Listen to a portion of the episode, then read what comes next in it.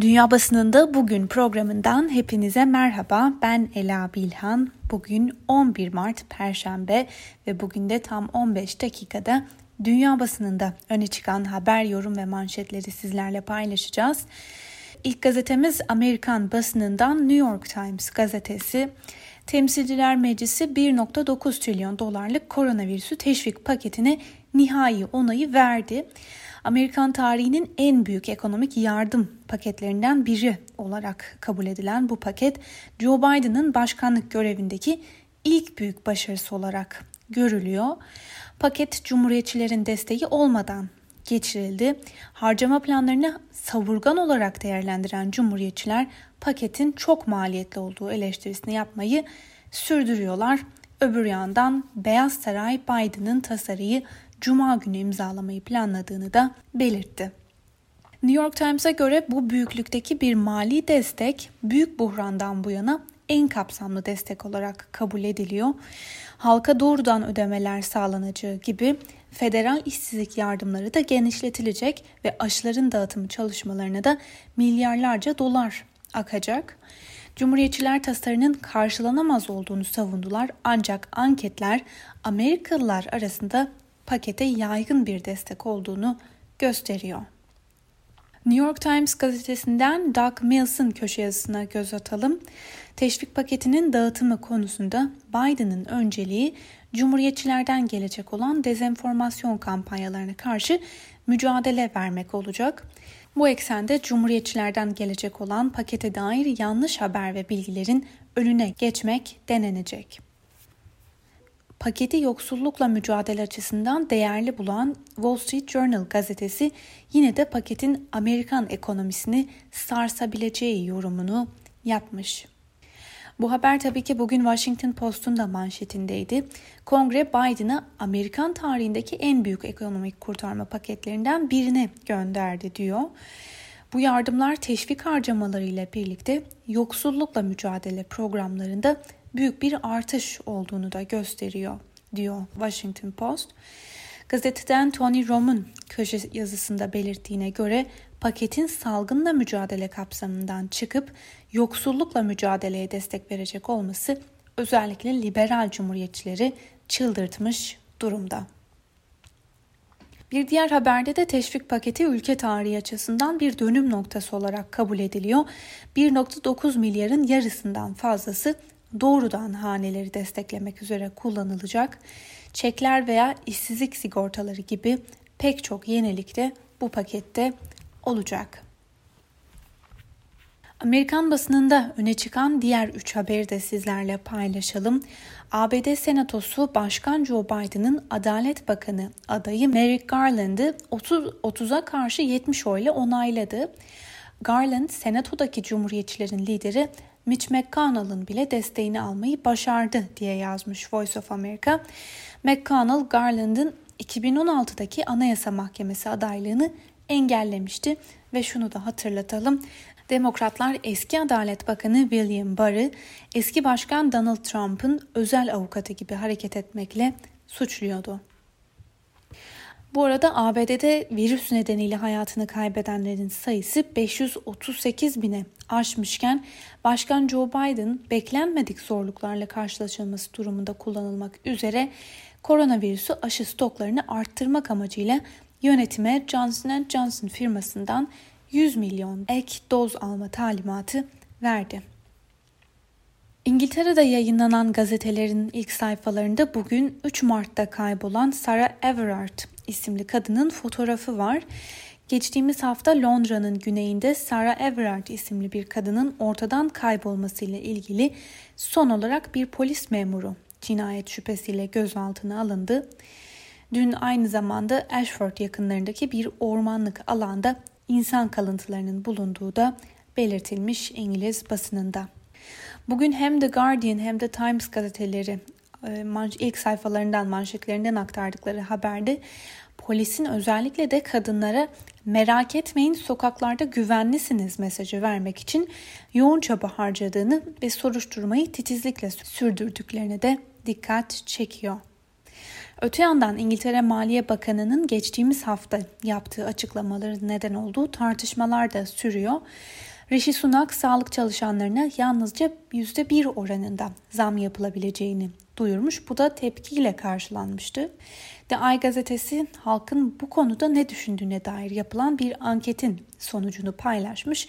Buna göre halkın %60'ından fazlası sağlık çalışanlarına yapılacak %1 oranındaki zammı yetersiz buluyorlar. The Guardian'ın ilk sayfasında aynı zamanda tıp alanındaki önemli bir gelişmeye yer verilmiş. Binlerce hastanın içinde küçük kameralar bulunan bir kapsülü yutarak bağırsak kanseri olup olmadıklarını anlayabilecekleri haberleri gündemde ve Ulusal Sağlık Hizmetlerinin CEO'su bu gelişmeyi bilim kurgu filmine benzetiyor. BBC'nin Fransa'ya ilişkin aktardığı bir haberle devam edelim. Fransa'da son aylarda İslamcılarla solcular arasındaki ittifaka atıf yapan İslamcı solculuk ifadesi hükümet içinde, akademide, medyada ve toplumda en çok tartışılan konulardan biri. Kavramın tanımı ve zamanlaması konusunda Fransa'da farklı yorumlar yapılıyor. Muhalifler İslamcı solculuk ifadesinin 2022 seçimleri öncesi sağcı siyasetçiler tarafından solculara ve İslamofobiyi eleştirenlere karşı itibarsızlaştırma amaçlı bir siyasi araç olarak kullanıldığını savunuyor.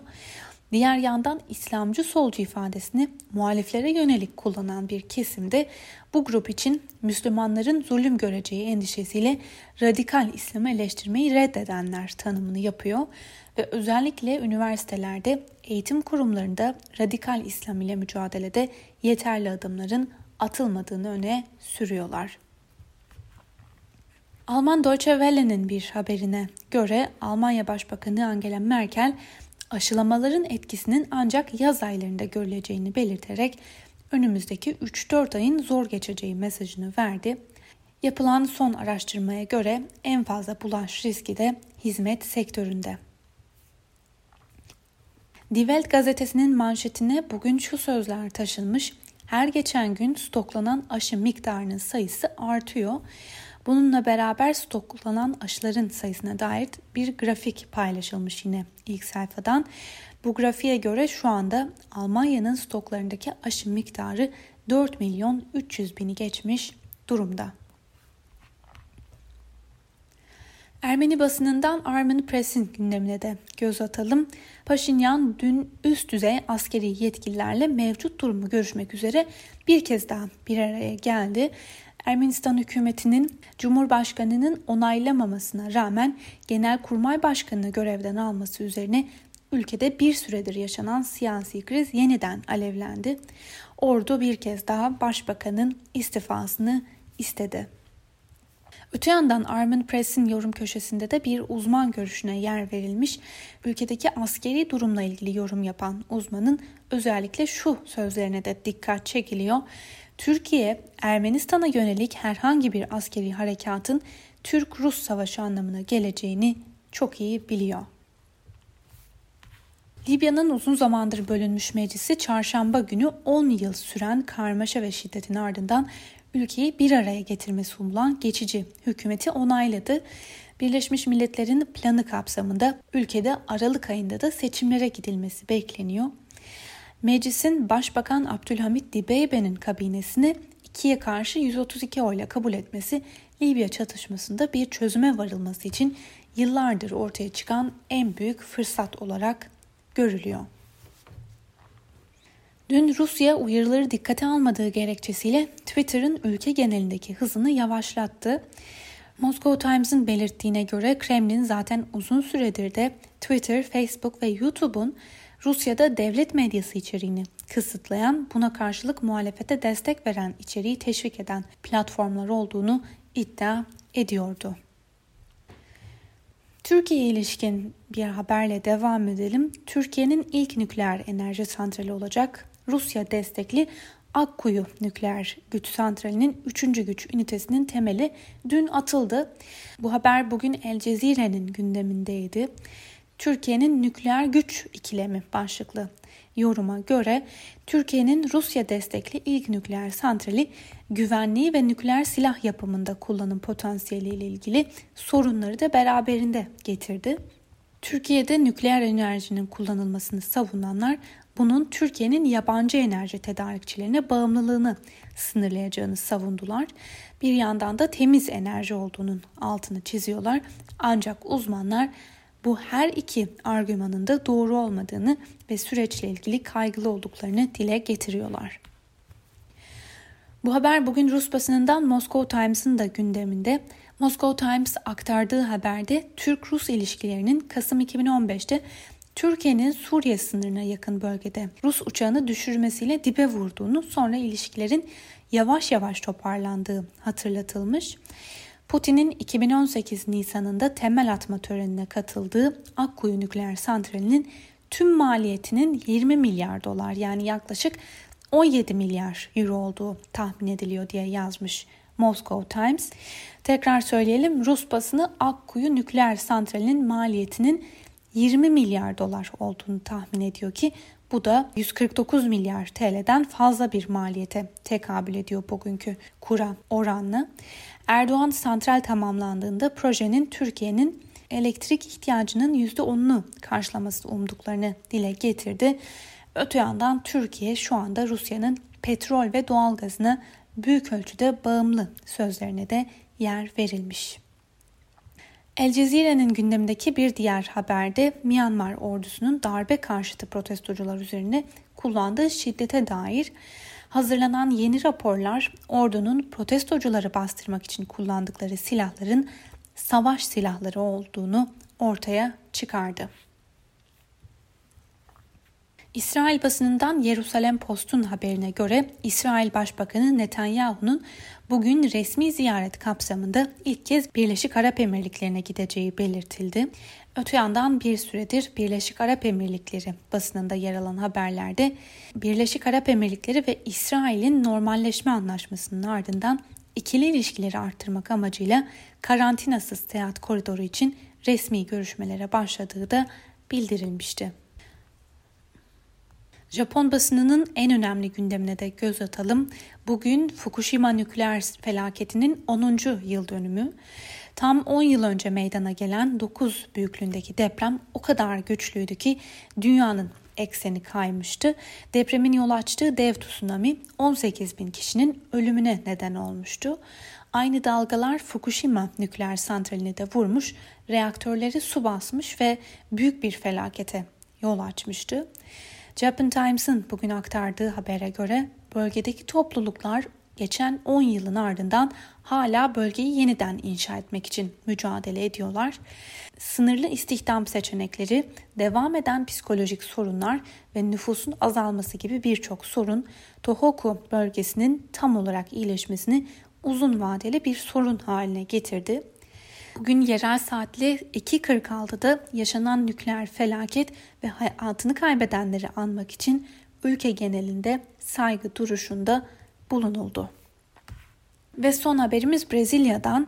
Brezilya basınından Rio Times'ın gündemindeki habere göre dün Brezilya'da günlük can kaybı yeni bir rekor kırdı. Buna göre son 24 saatte 2286 kişi Covid-19 nedeniyle hayatını kaybetti. Ülke bir yandan da toplam sayısı 11.2 milyonu aşmış vaka sayılarıyla mücadele ediyor. Sevgili Özgürüz Radyo dinleyicileri, Brezilya basınından aktardığımız bu haberle birlikte bugünkü programımızın da sonuna geldik. Yarın aynı saatte tekrar görüşmek dileğiyle şimdilik hoşçakalın.